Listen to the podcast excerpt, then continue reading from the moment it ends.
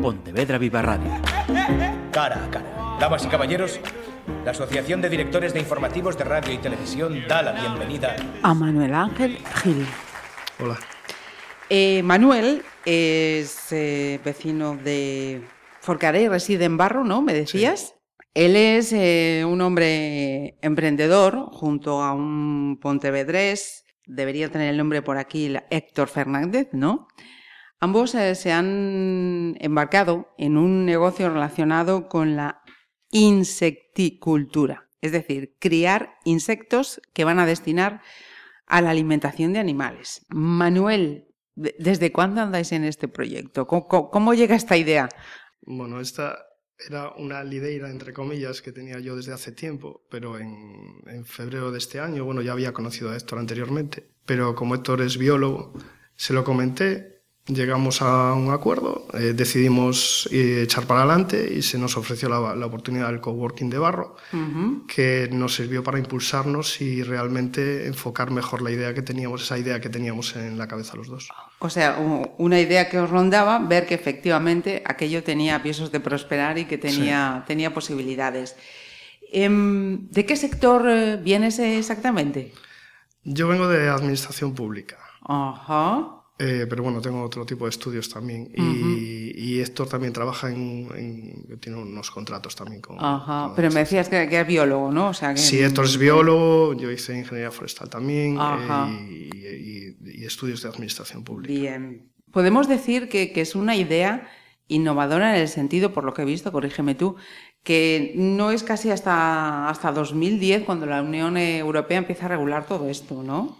Sí, en el 2009 se regularon eh, la posibilidad de que los insectos fueran animales de granjas, uh -huh. de granja, tal cual. Y en el 2017 lo que hizo la Unión Europea fue establecer una serie de insectos, en siete eh, particularmente, de los cuales se podían producir. Ajá.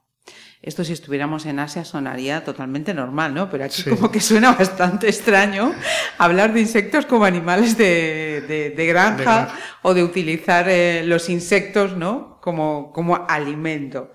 En este caso para, para animales. Mira, Manuel, ¿nos explicas eh, en qué consiste eh, todo este proyecto empresarial en el que estáis inversos?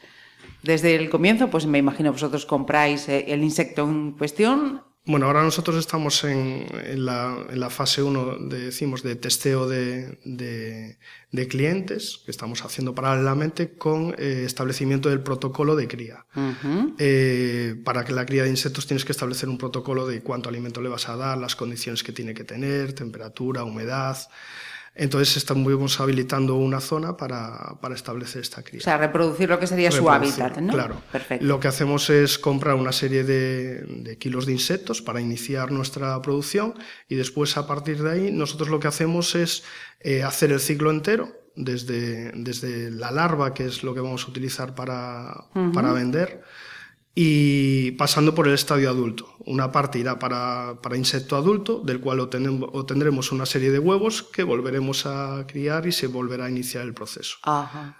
Pero la, la, la, compra en sí de insectos uh -huh. la haremos inicialmente. Uh -huh. Mira, eh, vais a trabajar con muchos insectos, con pocos insectos, ¿con, ¿con qué vais a trabajar? No, inicialmente nos planteamos trabajar solo con una especie, una especie de gusano que se llama el gusano de la harina, que es el tenebrio molitor.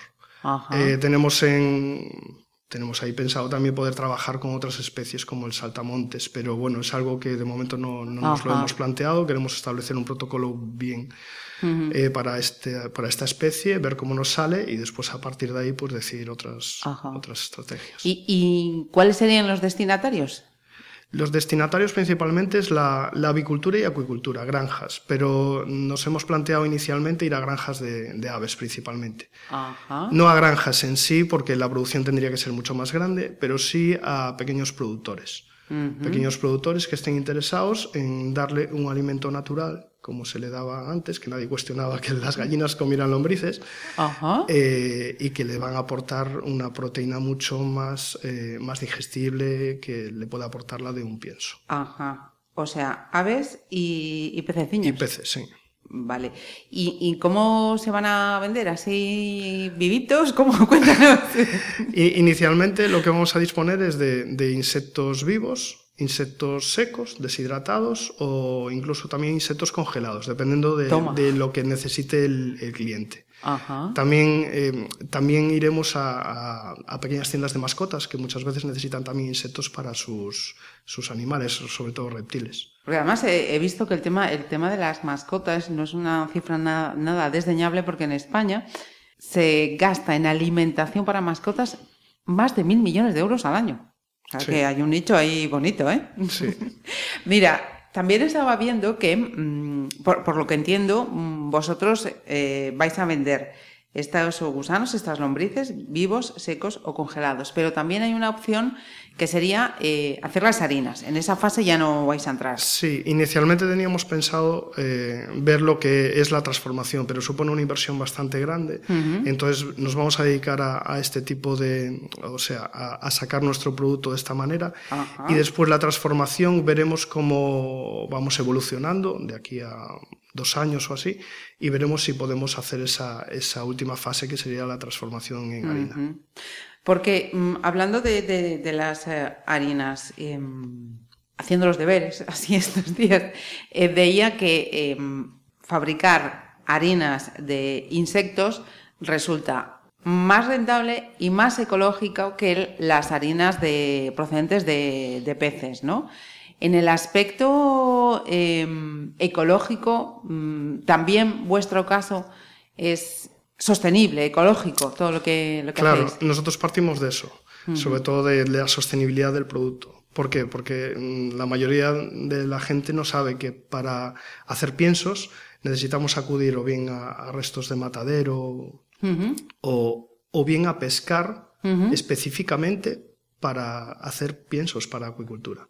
Muchas veces se pesca, se va a pescar determinadas especies como arenque o anchoa o tal y se destinan a simplemente a triturarlos y hacer harinas para aportar a los piensos.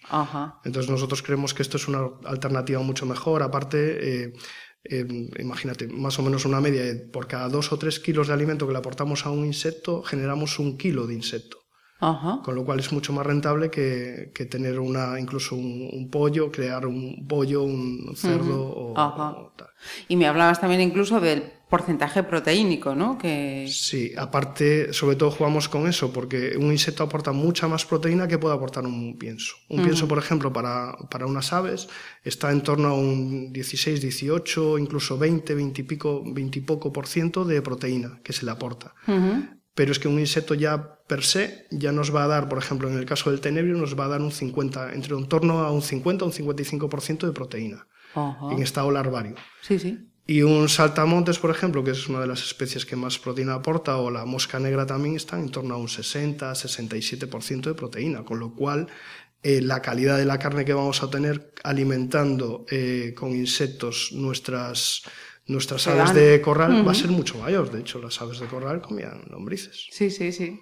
Incluso también, hasta mm, cerrando el, círculo, hasta las deposiciones de los insectos se aprovechan. Sí. Eh, de los insectos se pueden obtener eh, cuatro productos, que son el insecto en sí, vivo, las harinas, sí. Eh, o sea, después del insecto deshidratado, las harinas o los aceites, aceites esenciales que... Toma. Sí, aceites esenciales que también se pueden aportar de alimento a, a, muchos animales o para no alimento directo, pero sí para compensar dietas. Y después las deposiciones. Las deposiciones tienen un valor mucho más, son mucho más biodegradables que otras deposiciones de, de, porcinos o de, o de bovinos y, y, son mucho más manejables. Ah, estaríamos hablando ahora aquí de, de esas deposiciones, utilizarlas sobre todo para abonos para plantas, pues plantas en casa que puedes tener y demás. Y esa parte también la, la vais a aprovechar. Sobre todo lo que contemplamos es la parte del gusano, como habíamos hablado, de vivo, deshidratado o congelado y, utilizar las deposiciones. Lo otro requiere una transformación un poco mayor y por lo tanto mayor inversión, entonces de momento no, no lo hemos contemplado. Muchas empresas en España no, no, hay en esta actividad, en Galicia no lo sé. En España hay bastantes. ¿Sí? Eh, no es que sea muy elevado, pero sobre todo están eh, situadas desde, desde más o menos, si ponemos el Ecuador en Madrid o así, Mm. desde Madrid para abajo. Hacia el norte eh, hay alguna en Bilbao, que es alguna, creo que en sp- spin-off o así. Sí. Y aquí en Galicia sí que hay una, una empresa que se dedica a cría de, de insectos, de diversos insectos, para, sobre todo para, para, para mascotas, Ajá. para, ven- para venta de mascotas como, como alimento vivo para, para Sí, para estos animales, sí. Y hay alguna otra también, alguna otra, eh, algún otro proyecto por ahí que creo que hubo en alguna aceleradora o algo así de esto, pero no desconocemos si hay alguna otra empresa que se dedique eh, esencialmente a esto. Mira, ¿de qué manera eh, os ha interferido la pandemia en vuestros planes? Cuando empezamos tendríamos, teníamos pensado empezar pues poquito a poco para ir viendo cómo era el mercado, cómo y tal. El coworking nos, nos aproximó mucho más al mercado, nos dio ese incentivo o esa, ese empuje mucho más rápido, pero lo que nos encontramos que con la pandemia, eh, que, que es muy entendible, pues los posibles clientes o proveedores de, de alimento eh, estaban a otra cosa. Ujú, Y es normal. Entonces, nada, lo que hicimos fue plantearlo, pues mira, vamos a, a hacer lo que, lo que te estaba planteando antes, en una fase de vamos a establecer un buen protocolo, vamos a darnos un tiempo de unos seis meses para establecer un buen protocolo, ver si esto es escalable y empezar a, a producir cada vez más. Y después, e ir haciendo paralelamente testeo de, de pequeños, de pequeños productores. Vale. Galinsecta, que todavía no lo había nombrado, es como vais a llamar a, a la empresa, ¿no? Sí, es un nombre que surgió en el coworking porque Ajá. necesitábamos un nombre. Eh, no sé si ese va a ser el Vale. nombre final o no, porque Pues puede ser o no. puede ser o no. Hasta el, Vale. Mm. hasta el año que viene no nos planteamos darnos, dar de alta la empresa Ajá. hasta que tengamos un poquito de actividad. Bien. Entonces, eh, esta empresa, eh, ¿cuándo quisierais, estimáis que puede estar, vamos a decir que a full? A full esperamos que en 2021 podamos estar, a partir de- del verano así. Queremos ver cómo salen las cosas con el protocolo, porque establecer el protocolo más o menos los ciclos del tenebrio están en torno a unos dos meses y medio, tres meses. Entonces, por lo menos hacer tres o cuatro ciclos completos para saber cuál es la escalabilidad y la producción de, de este tipo de, de insecto. Y, y después empezar cada vez un poquito más a producir un poco más e intentar ya meternos. De hecho, tenemos ya algún pequeño productor de, de aves de corral, sobre todo de capón y estas cosas, que sí que Ajá. está interesado en ir probando también el producto. La prisa nunca es buena consejera en estos terrenos. No, no, en este caso no, porque no es cuestión de me compro, bueno, me Sí. traigo una vaca o un cerdo y le doy. Sí, lo de comer y Sí, ya- ya está. Pero sí. aquí tienes que saber muy bien cuánto le tienes que dar de Ajá. comer y sin para saber exactamente cuánto vas a obtener. Perfecto. Pues eh, ya veis iniciativas empresariales que surgen aquí en la provincia de Pontevedra, Forcarey, concretamente donde, donde es eh, Manuel. Mira, por cierto, en casa, mm, ¿cómo recibieron esto mira, me voy a dedicar a la cría de insectos? como Pues bueno, porque como la radio no se puede ver las caras, pero sí un poco. Mi padre aún me dijo hace un par de semanas, dijo, ¿qué, qué, qué vas a qué?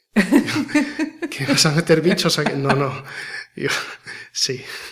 bichiños eh, adiante. sí, sí. Ajá. Es, es un poco, suena un poco raro. Yo, aparte es, es entendible, pero bueno, a ver cómo sale. Eh, Manuel, por supuesto, muchísima suerte en vuestro, en vuestro proyecto y muchísimas gracias por dedicarnos este tiempo y atender la llamada de Pontevedra Viva. Nada, gracias a vosotros. Pontevedra Viva Radio. ¿Me permiten que les haga un comentario como espectadores del programa Cara a Cara? Según un reciente sondeo de mercado, ustedes disponen de estudios e inteligencias superiores a la media. Sus intereses abarcan desde la actualidad mundial y la ciencia hasta el deporte y los espectáculos.